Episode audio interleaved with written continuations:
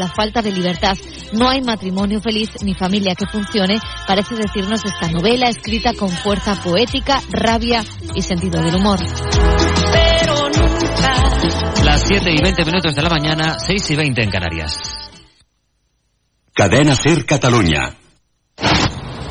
Allà on vagis, Ser Catalunya t'acompanya. Escolta Ser Catalunya en directe des de qualsevol lloc Som a la barra de bar amb la Núria Casas. amb l'aplicació de la cadena Ser. Som a tot arreu.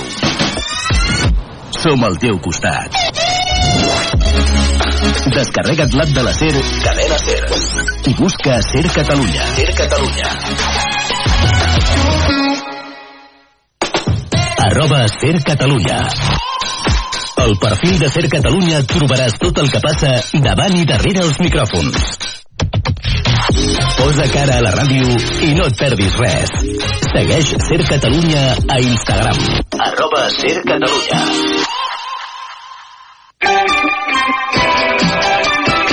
Ser Catalunya. La força de la conversa.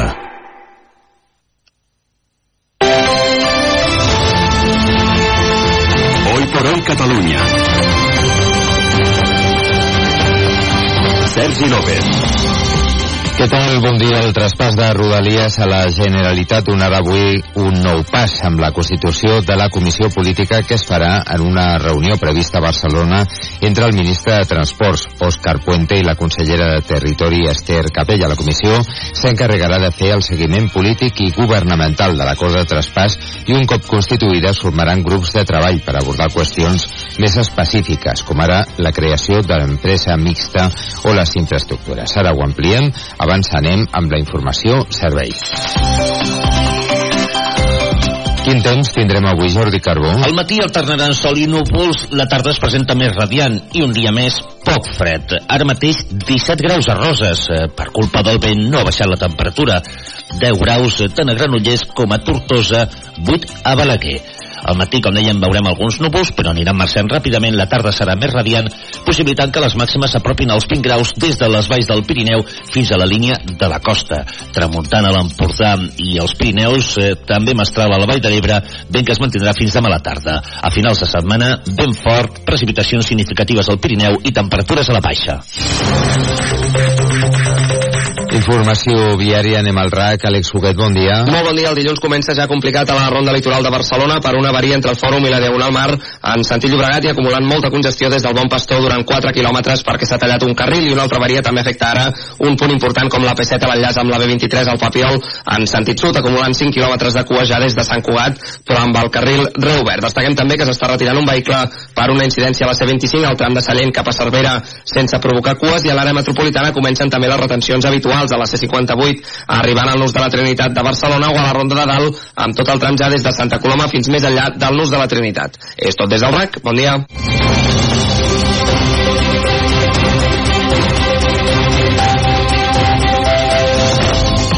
Arnau Baquer, bon dia. Molt bon dia, Sergi. Aquest matí es constitueix la Comissió Política per al traspàs de Rodalies en una reunió entre el ministre de Transports, Òscar Puente, i la consellera de Territori, Esther Capella.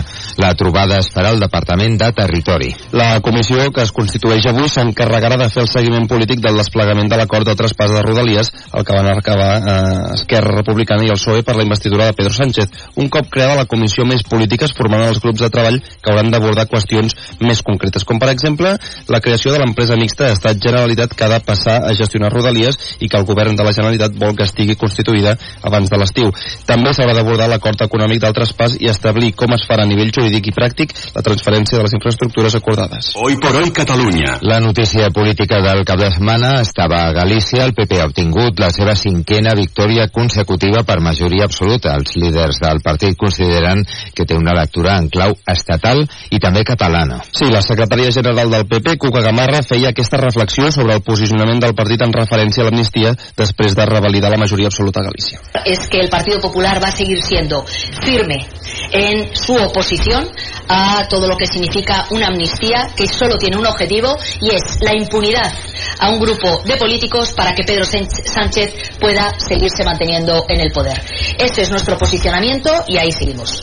El president de la Generalitat, Pere Aragonès, ha fet una piulada a la xarxa X felicitant el bloc nacionalista gallec pel que considera un resultat històric d'aquesta formació que ha obtingut 25 diputats. Aragonès, que no ha fet cap referència a la victòria del PP, diu que el bloc nacionalista gallec, el BNG, representa la política valenta i també progressista. El cert és que, malgrat l'opinió que sentíem del PP, l'amnistia continua el seu camí. El PSOE ha demanat a la mesa del Congrés que amplia el termini, que en principi acabava aquest dimecres, per votar el nou dictamen sobre aquesta llei. Sí, els socialistes van registrar dissabte una petició per ampliar 15 dies més el termini que té la Comissió de Justícia del Congrés per emetre el dictamen sobre la llei d'amnistia amb l'objectiu de guanyar més temps per seguir la negociació amb Junts per Catalunya.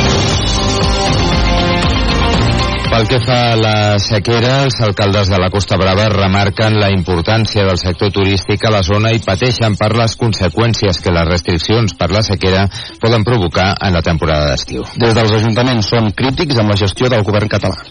Bé, l'altre govern no a més arriben tard. Jo crec que fa temps que ha sigut de preveure accions, jo crec que fa temps que ha sigut de preveure inversions i com sempre doncs una vegada més s'agafa a contrapeu i per tant jo el que desitjo és que facin els deures, que facin les emocions que toquen i que es deixin de culpar els ajuntaments. L'Ajuntament en definitiva segurament que també tenim alguna responsabilitat però aquí el que ha de preveure aquestes situacions és el govern i, i principalment eh, l'ACA. Sentíem Juli Fernández, alcalde de, Fala, de Palafrugell. Ara per ara el que més preocupa ajuntaments i empresaris de la Costa Brava és la inviabilitat de poder obrir piscines de cara a l'estiu.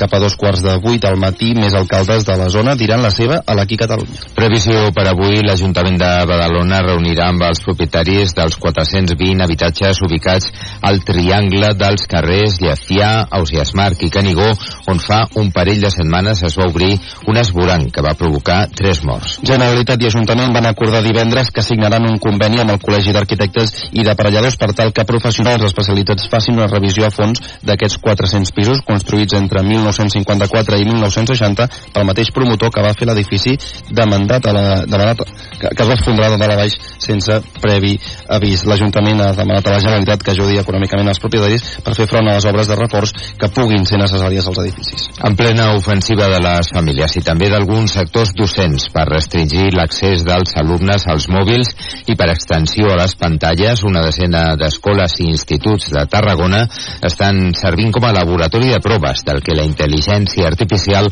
pot fer a les aules. Sí, ho han fet en el marc d'una recerca de la Universitat Rovira i Virgili. 280 professors i directores d'escoles, instituts i centres de formació professional estan rebent formació i fent proves, per exemple, de com una eina de generació d'imatges plasma les descripcions d'històries que han fet els alumnes. Una tasca que, segons explica la directora del projecte Marc Camacho, posa a prova les habilitats lingüístiques dels alumnes. Pensem en aquesta història, quins personatges els descrivim, no? Es treballa la llengua, es treballa l'expressió, es, es treballa el vocabulari, la capacitat de ordenar cronològicament unes seqüències, vull dir que realment es treballa molt, es treballa la creativitat, sens dubte, a un altre institut que fa el grau d'FP de diagnòstic per la imatge han utilitzat la IA, la intel·ligència artificial, per generar historicals mèdics ficticis i radiografies de pacients també inventats eh, per tal que els alumnes practiquin a l'hora de detectar patologies.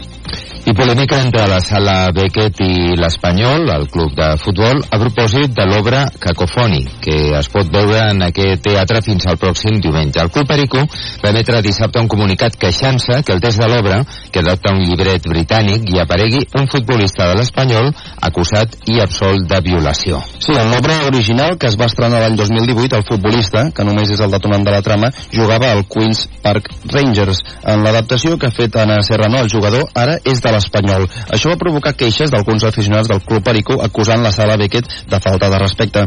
Des del teatre, però, van respondre recordant que es tracta d'una obra de ficció i lamentant que el club ataqui la llibertat d'expressió. Quan falta un minut per arribar a dos quarts de vuit, us parlem d'esports. D'una banda us recordem que en bàsquet el Barça va perdre ahir per 12 punts contra el Real Madrid a la final de la Copa del Rei. Pel que fa al futbol, Joan Tejedor, el Girona visita a les 9 de la nit l'Atlètic Club amb l'objectiu d'encarar la classificació per la Champions. L'Atlètic és cinquè, ara per ara màxim candidat a desbancar algun dels quatre primers, però 10 punts del Girona en cas de guanyar. A Mitchell li surten els números per acotar l'objectiu de l'any. Si són capaços de, de guanyar en Sant Mamés, a l'Atlètic, tenint la sensació que que Champions és un objectiu més a pro de lo que està fent l'equip. Serien 13, 13 jornades i, i 13 punts al, al cinquè. Per mirar de refer-se del 4-0 encaixat al Bernabéu, només tornen després de sanció i Angel Herrera i Dali Blin, que es dubta per un cop, i en Couto cau sancionat igual que el propi Mitchell. El Girona, que vol assegurar la Champions, i recordem que si guanya estarà només 3 punts del líder, que és el Madrid. Arribem a dos quarts de vuit. Son las siete y media de la mañana, las seis y media en Canarias.